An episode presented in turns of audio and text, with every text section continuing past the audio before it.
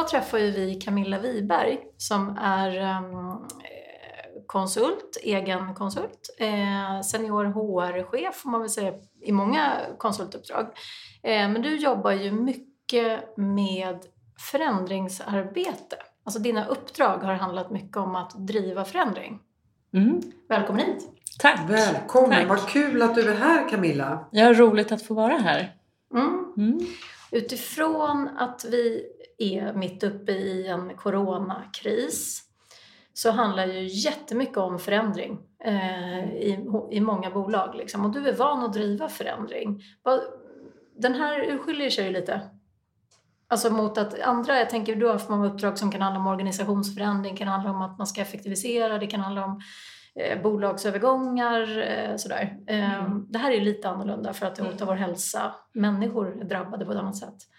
Vad skulle du säga är utmärkande för ditt jobb idag? Ja, alltså egentligen är det ju inte en så stor skillnad i, liksom, i hur förändringarna drivs. Däremot så har jag märkt att det har ju blivit en mer angelägenhet för de många. Vilket gör att förändringsarbetet går lite snabbare och är mer fokuserat att det här sense of urgency som man pratar om mycket i, i att driva förändring, mm. det liksom sköter sig själv på något sätt för att alla har en så stor förståelse. Dels i hur corona liksom kan påverka individer och, och grupper och ens liksom privata liksom, sammanhang. Men också i en del av de organisationer som, eller många organisationer som också har blivit hårt drabbade rent försäljningsmässigt, så har det liksom skapat den här tydliga riktningen i vad behöver vi göra? Vilket mm. gör att liksom alla inom organisationen på alla nivåer har liksom ett tydligt syfte. Mm. Det har jag sett har varit liksom väldigt starkt i, i, i, under det här året, eller sen corona i började i mars. Så mm. du menar egentligen att själva liksom att driva förändringsprocessen effektiviseras ganska ordentligt av att människors jobb är hotade? Ja, Bolaget, alltså, liksom, affärsmässigt så är det hotat och det gör att det blir en, såklart en sense of urgency som blir på en annan nivå. Men det blir det väl, men, men samtidigt så blir det också väldigt tydligt för liksom, att vi behöver tänka om, vi behöver ställa om, vi kanske kan skala av vissa långa processer som man har, och arbetssätt man har haft mm. tidigare. Mm. Det blir mycket enklare i att jobba tvärfunktionellt till mm. exempel. Mm. Man liksom kavlar upp armarna och liksom Mm. hjälps åt på ett annat sätt. Det mm. tycker jag har varit häftigt att se liksom, att det bara händer. Och det här är ju faktiskt fördelar i eländet. Mm, att man faktiskt absolut. ställer om och att man, alltså om man nu ska prata om det, är så lätt att hamna i att allting är så dåligt med Corona, mm. men hur vi faktiskt ställer om och att det är möjligt. För det mm. visar du exempel på. Mm. Så det är ju väldigt positivt kan jag tycka. Ja, men precis. Att det, men, och du som är van att jobba menar jag, med förändringsprocesser. Jag tolkar det som att du menar att någonting som annars kan ta väldigt mycket längre tid mm. går betydligt snabbare för att man uppfattar att det är allvar. Absolut. Mm. Och sen så vill jag också säga att jag har märkt att det är lite olika hos olika kunder. Mm. Också beroende på hur hårt man har blivit drabbad av krisen. Mm. mm. Eh, där det har varit liksom en tydligare effekt ja, där har det kanske gått lite smidigare. Eh, Medan andra bolag kanske har mer än, ja, det rullar på ungefär som vanligt. Ja, just det. Utifrån för vi liksom påverkas ju olika. Det är ju... eh, sen absolut att man liksom tar, tar hänsyn. Där kan det vara mer på, på individnivå skulle jag säga. Eh, som man kan känna en oro mm. utifrån eh, corona. Men då handlar det mycket mer om kanske utifrån ett ett annat sammanhang och med privata kontexten. Eh, hur man blir påverkad där. Mm. Men hur har ditt, för du är ju konsult, hur, hur har dina uppdrag och hur har din efterfrågan eh, blivit nu med Corona? Du är konsult, det är liksom lite svajigt för konsulter överlag. Ja. Hur, hur har det påverkat dig som person? Nej, det, det har ju inte påverkat mig på det sättet utan jag har ju haft eh, förmånen att ha väldigt mycket snarare att göra. Dels under våren så var det ju väldigt mycket arbete med omställning, korttidsarbete, ja, med effekt av omorganisationer och så vidare. Så det var väldigt liksom, högt fokus och det var många som hörde av sig som behövde hjälp då. Eh, Medan nu under hösten och precis innan nu den här andra vågen eller vad man ska kalla det så börjar det komma mer också efterfrågan kring eh, utveckling och utbildningsinsatser eh, som nu såklart har blivit flyttade på framtiden. Men det finns ändå eh, en hel del faktiskt inom mitt område att göra och det är jag väldigt tacksam för. Mm. Så jag har den, den rollen som du sättet. har blir ju liksom allt viktigare tänker jag i en gris. Och det är ju inte alla som har en HR-avdelning till exempel. Mm. Så då är det ju lätt att ringa en HR-konsult eh, som styr mm. upp. Mm. För det, det, det, att få personalen med på saker och ting, att utbilda dem, liksom styra om ett beteende som det ibland faktiskt kan handla om. För någonstans mm. så behöver vi styra om den här affären. Vi har suttit tidigare och jobbat på ett mm. visst sätt. Nu behöver vi tänka om. Och liksom, hur gör vi det? Hur får vi med oss alla? Och hur presenteras den processen? Det är ju inte alla VD som klarar av den genomgången. Nej, och, och där brukar jag tänka att min, min roll är, och, och lite det som, som jag jobbar efter, är att jag vill vara med och bidra till att öka förståelsen för förändring och vad det är och hur det påverkar både på individnivå, på gruppnivå men också på en organisatorisk nivå eh, i de olika faserna genom en förändring. Eh, och, och också det här, det är ju som sagt det är ju inget nytt så, men det handlar ju om att kunna hantera två parallella processer. Dels den så kallade tekniska lösningen som jag brukar kalla det för, eller det som faktiskt ska förändras, om det så är en omorganisation eller ett eh, nya arbetssätt eller vad det så ska vara, så är liksom den andra delen, eh, det är människorna i den och hur de tar sig till det. För det är ju inte förändringen sker ju inte av sig själv utan förändringen sker ju som en effekt av att man börjar göra annorlunda. Så det är där jag lägger mycket tid och energi på att försöka få, få in den liksom, mm. kompetensen hos eh, organisationer och, och framförallt eh, cheferna. För det är fortfarande de som behöver driva förändringen. Mm. Eh, så jag vill skapa den här liksom, framdriften. För det ska heller inte vara någon sidoaktivitet från en HR-funktion så att säga. Nej, det, det behöver ju komma inifrån. Ja, såklart.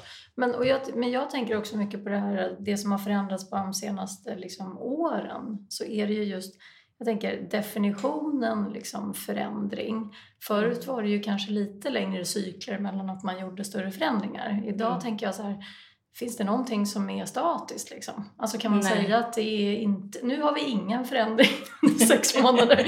Nej, alltså. Nej. Nej och, och, och, så tänker jag också mycket sen när jag tittar på en organisation och som jag ja, hämtat influenser från, från andra och så, men det är att, att se en organisation som en levande organism. Den hela tiden liksom rör sig. Nu sitter jag och ja, nej, men, gestikulerar. gestikulerar. Men, eh, och inte det här traditionella, liksom, om man ser ett organisationskarta mm. framför mm. sig. Och att man liksom plockar bort, om någon slutar till exempel, man plockar bort en ruta och så ersätter man den liksom mekaniskt med en likadan skruv eller mutter. Utan att det hela tiden liksom är lite rörelse och att man behöver liksom kontinuerligt tänk, tänka till och tänka om. Eh, både i rekryteringssammanhang men också i hur man ja, kan sätta samman organisationen. Eh, ja, så där kan det ju bli en, ja, en, en missmatch ibland lite utifrån det, det arv och liksom den arbetsrättsliga liksom historiken som mm. finns i, i Sverige och, och även utifrån hur man behöver jobba liksom lite kanske mer snabbfotat. Men det där har ju mm. vi pratat ganska mycket om i podden, just hur hur vi, många organisationer behöver ställa om eh, i en kris som den här. Och då jag liksom, har du några så här, vi behöver ställa om och vi behöver e-, egentligen få en beteendeförändring hos våra medarbetare. Det sitter säkert många chefer och lyssnar och tänker liksom, ja, jag måste ställa om den här organisationen, jag måste få den mer säljinriktad. Hur gör jag? Har du liksom några så här quick fix? Tänk på det här när det handlar om eh, en beteendeförändring hos eh, medarbetare? Ja, en quick fix vore väl bra. det vore fantastiskt. Ja. Um, nej men alltså igen, man får ju liksom gå tillbaka till vad är syftet och vad är det vi vill uppnå och vad är det för att liksom skapa en tydlig liksom, riktning. Um, och att det är den man måste jobba med och att man också måste som, tydliggöra vad man menar med det. Man måste prata om det i organisationen och man behöver införliva det här i liksom alla delar och processer i, i organisationen eh, för att det ska bli tydligt eh, vad det är man vill uppnå.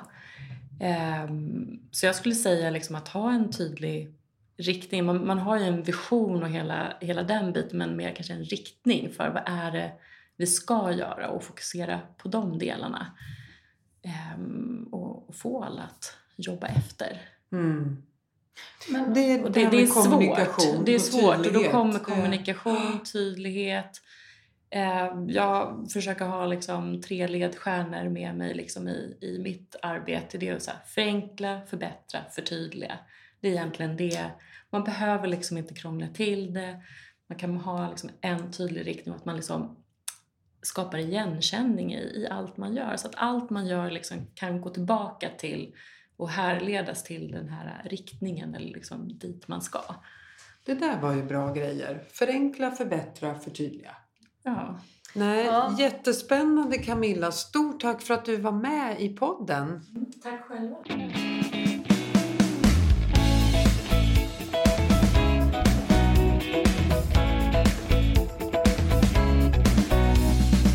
Det var mycket klokskap i det. Det här är liksom förenkla, förbättra, förbättra och förtydliga.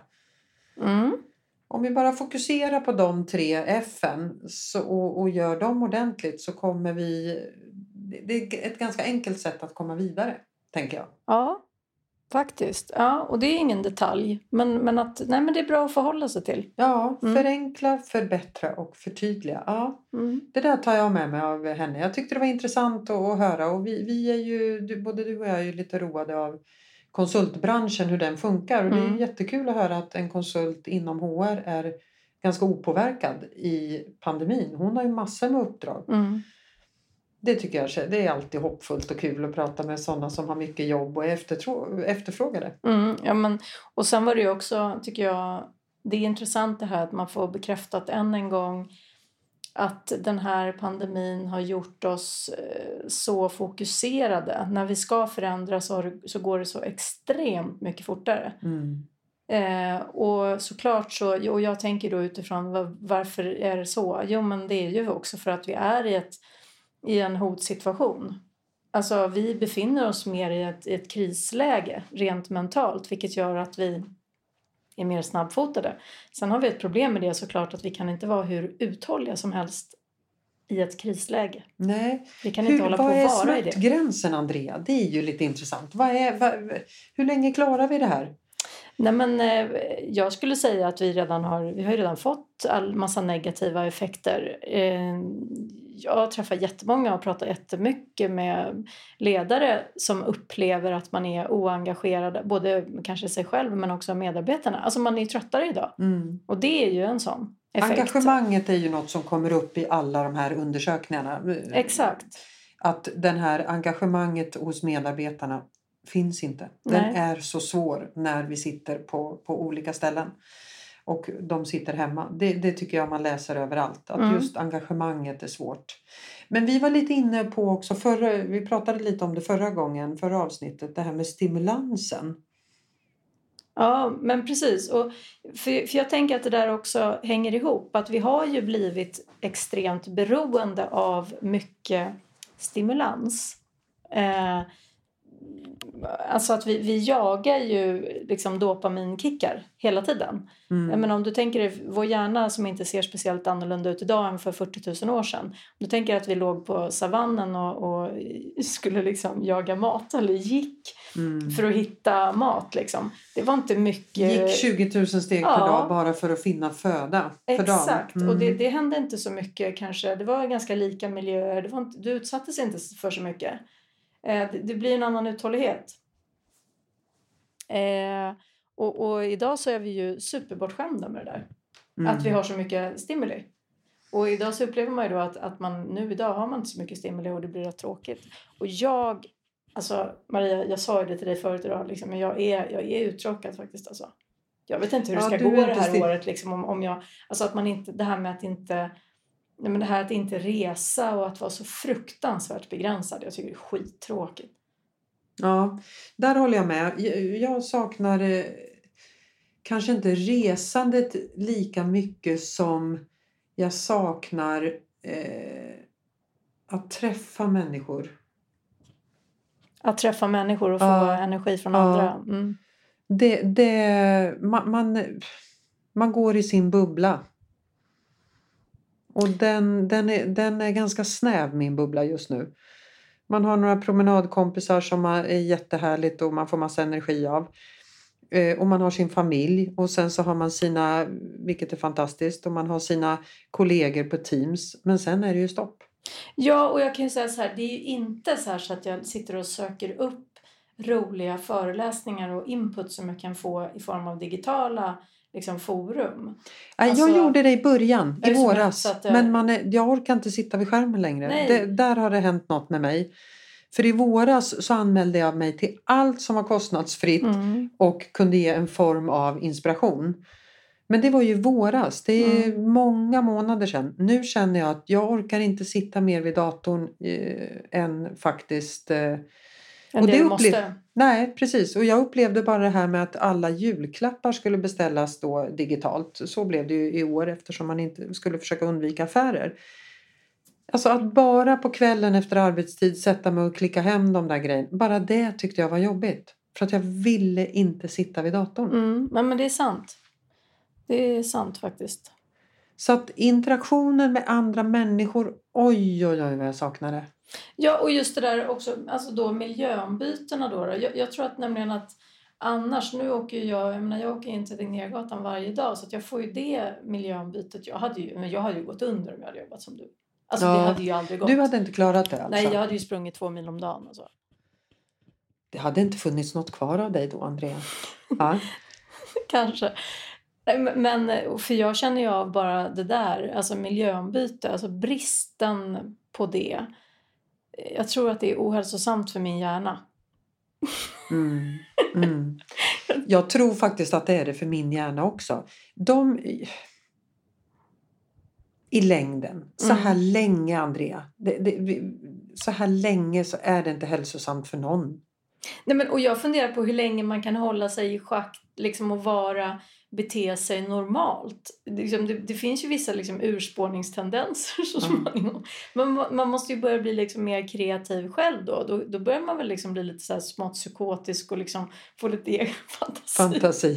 Men du, du är ju så bra. Du ställer ju diagnoser hela dagarna på folk och, och säger så, och, och har en eh, plan för att okej, okay, nu är du inne i den här fasen. Om, om 6 till 8 veckor om du fortsätter med det här, då kommer du smälla in i väggen. Ja. Den, eh, ja. Eh, diagnosen sätter ju du mm. och då. Eh, kan du sätta någon på mig? Hur långt har jag kvar innan jag bryter ihop av det här? Och vad, vad är det som skulle hända med dig? Jävligt ja. svår fråga. Nej, men alltså, hur, ja. Bristningsgränsen, när, när exploderar man? När exploderar jag? När klarar jag inte det här längre? Hinner pandemin gå över? Nej men det kommer inte hända tror jag riktigt. Att det kom, du, och du är också ganska utåtagerande uppfattar jag. Så du blir så ganska arg ofta. Och så här. Blir jag? Nej men jag, jag får för mig det, fast jag tror inte att du kanske känner dig så arg som du uttrycker dig. Men du, äh. jag tror att du kan vara lite så explosiv. Jag är ju mer så här, jag blir ju depressiv liksom och bara typ så här, vill bara stänga, stänga ner och stänga äh. in. Jag får ju anstränga mig för att liksom bli men din bristningsgräns, eh, ja men alltså nej. Blir det problem med affärerna och jobbet och sådär då kommer ju du liksom starta något annat och göra något annat tänker jag. Jag vet inte riktigt. Vad, vad tror du själv? Nej, jag tror att jag... Eh, jag ska säga så här nu under jul, när vi har, har ju ändå ett jullov bakom oss och då, då... Jag tror liksom att våran yngre generation har det tuffare. Ja. Jag tycker faktiskt väldigt synd om mina barn och eh, den generationen. Mm. Som inte får träna, inte får interagera med andra människor och inte får gå i skolan och så vidare. Jag tror att de tar mer stryk än vad jag gör som är vuxen och kan hantera det här lite bättre. Mm. Alltså om man tittar idrottsmässigt, Andrea, vi har ju en generation, den här generationen går ju förlorad. Alltså de tappar ju ett års idrottande. Till exempel om ja. vi nu ska prata om idrott. Ja. De som är med i en lagsport. Hur många 15, 16, 17-åriga ungdomar kommer hålla ut Nej, och verkligen. fortsätta sin lagidrott Nej. i augusti, september? Du kommer ha tappat många under det här året. Och vad får det för konsekvenser? Nej men verkligen, det där är ju det där är det, jag, jag tycker faktiskt mer synd om den, de eh, barnen än vad jag tycker om mig själv. Även om jag tycker faktiskt ganska synd om mig själv också när jag sitter där hemma ensam och med sladdarna vid köksbordet. Men, men jag tycker de lider mera. Mm. Men eh, du som är eh, egenföretagare. Mm. Om det är något tips jag skulle ge dig till att så här, som, som arbetsgivare och som jag tror att man kommer att... Alltså, man, ja, då, då är ju det att eh, liksom sätta igång en kreativitet i medarbetarnas hjärna. Alltså att, att skapa förutsättningar för det, för dina medarbetare i att bli mer kreativa. Eh, och då handlar det om, då skulle du ju egentligen stänga ner deras LinkedIn, Instagram, Facebook, alltså du vet så att de inte har till Oj, vad händer då? LinkedIn är ju vårt arbetsverktyg. Ja, jag vet. Men alltså du vet att du skulle liksom två timmar om dagen så ska du typ inte ha någon input. Utan att du så här, bara, där, då kan det börja hända saker i hjärnan. Eh, för att jag tror vinnarna, ja det kan vi väl gå in lite i. Så här, vilka blir vinnarna av det här? Det blir ju de som då, du var inne på det här med idrotten, men vinnarna blir ju de som lyckas också hålla igång rent mm. fysiskt mm. Är, blir ju, är ju extremt viktigt idag. Men också att vi inte är så, tar så lättvindigt på det här med stimuli och liksom eh, att, vi, att vi inte liksom dopaminkickar på fel saker. För att det blir ju istället för att vara lösningsorienterad i jobbet många gånger. Mm. Så du menar, uh, ja precis. Sätt igång en dopaminfastning. Två timmar om dagen? Jag tänker det. Liksom. Om, du vill att, om du vill att de ska få igång smarta lösningar och vara kreativa och, och sådär. Så, så tror jag att då, då ska man liksom dopaminfasta. Ja, använder du själv den metoden? Nej. Nej. Jag ska... Snart börjar man bli till. Nej men no, alltså jag kan ju sluta använda Instagram i tre till fem dagar och sådär. Sånt gör jag. Och typ går inte in på LinkedIn på några dagar och sådär. Men... Eh, ja, jag... Där skulle jag nästan säga att jag är en knarkare. Ja. Faktiskt. LinkedIn. Mm. Där är jag inne jättemycket. Mm. Och förstår du... du konsekvenserna av att du, att du går in och får ja, en sån? Ja, det hör ju vad du säger. Så att... Um... Jag skulle väl säga ibland när man, ja men den här fastan, eh, dopaminfastan som du pratar ja. om. Den gör jag faktiskt ibland när jag är ute och promenerar. Mm. Ofta har jag en podd eller någonting i lurarna. Men ibland lämnar jag allting hemma och bara går. Och det är ju en dopaminfasta. Att promenera och faktiskt bara lyssna på skogens ja, men exakt sus så. och dus. Precis, precis så. Eller hur? Det är ja. det du menar? Ja, ja då kanske man ska bli duktigare på det ja. då. För promenera är ju något uh, jag gör mycket. Den tror jag är liksom lätt lättare än att säga nu ska du sitta på en stol, du ska inte använda det här och det här och det här och det här. Nej, vad ska jag göra? Ska jag sitta på en köksstol och bara tro att jag blir kreativ? Ja, men ja, precis, jo. Men sen är det ju att få in Den, den vägen är mycket längre för mig. Ja. Eh, kanske skulle vara bra för dig. och sitta på köksstolen och inte... Oh, precis. Mm. Nej, men alltså Andrea, jag har ju väldigt mycket att lära av dig. Har du det? Ja. Mm. Eh, sen tar jag inte till med allting för jag tänker det där det är för stort steg.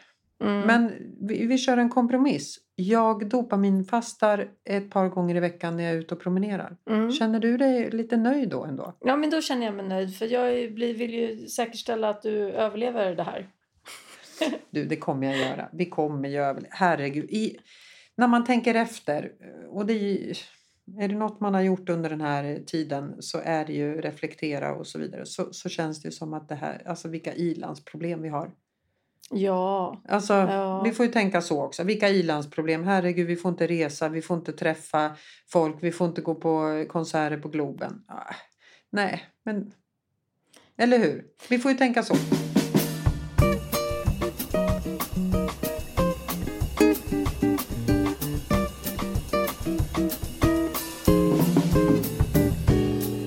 När det gäller tips, jag snor ditt tips. Får jag göra det? Ja, gör det. Till alla där ute. Dopaminfasta. Stäng av lurarna, lämna telefonen hemma och ta en eh, powerwalk. Behöver inte göra det varje dag utan lurar, men några gånger i veckan och börja där. Exakt. Och eh, då kan jag ta vidare på den för att eh, då kan jag dra det lite längre då i att inte gå ut och gå då. Utan att om man stänger ner liksom stimuli och eh, börjar fokusera på att inte göra någonting. Då kan man vara ganska säker på att det är någon form av känsla som infinner sig. Hos mig så sker det ganska automatiskt en rastlöshet som liksom kommer krypande. Mm. Eh, bakom den där rastlösheten så finns det någonting annat. Det Som är bra att den kommer fram? Ja, exakt. Eh, det kan ju vara liksom både nedstämdhet och eh, liksom att jag egentligen då känner mig ganska arg och irriterad. Eller så kan det komma någon extremt stark kreativitet. Så att bakom rastlösheten så, så hittar jag ganska mycket det finns mycket att utforska där. Och jag tror att det funkar så för många. Jag tror mm. att, att eh, vi dövar det där rastlösa. ja. ja. Men du, jag ser faktiskt fram emot när jag sitter där eh, på köksstolen hemma med min familj och säger tyst, ingen kan prata med mig, jag dopaminfastar. Ja, jättebra. Det blir härligt. Jag ska meddela dig reaktionen sen. Andrea har ordinerat. Mm. Andrea har ordinerat dopaminfasta. Jag ska inte göra något här nu i två timmar. Ja. Ingen, ingen, ingen får prata med mig, ingen får titta på mig, ingen får göra något. Mm. Så ska ni se, sen blir jag en jättehärlig mamma. Underbart! Äh, den där tar jag med mig. Den där tar jag med mig. Tack snälla Andrea. Mm. Tack för idag. Tack för idag. Alla lyssnare. Vi hörs nästa vecka igen. Vi gör det. Hej så länge. Hej då.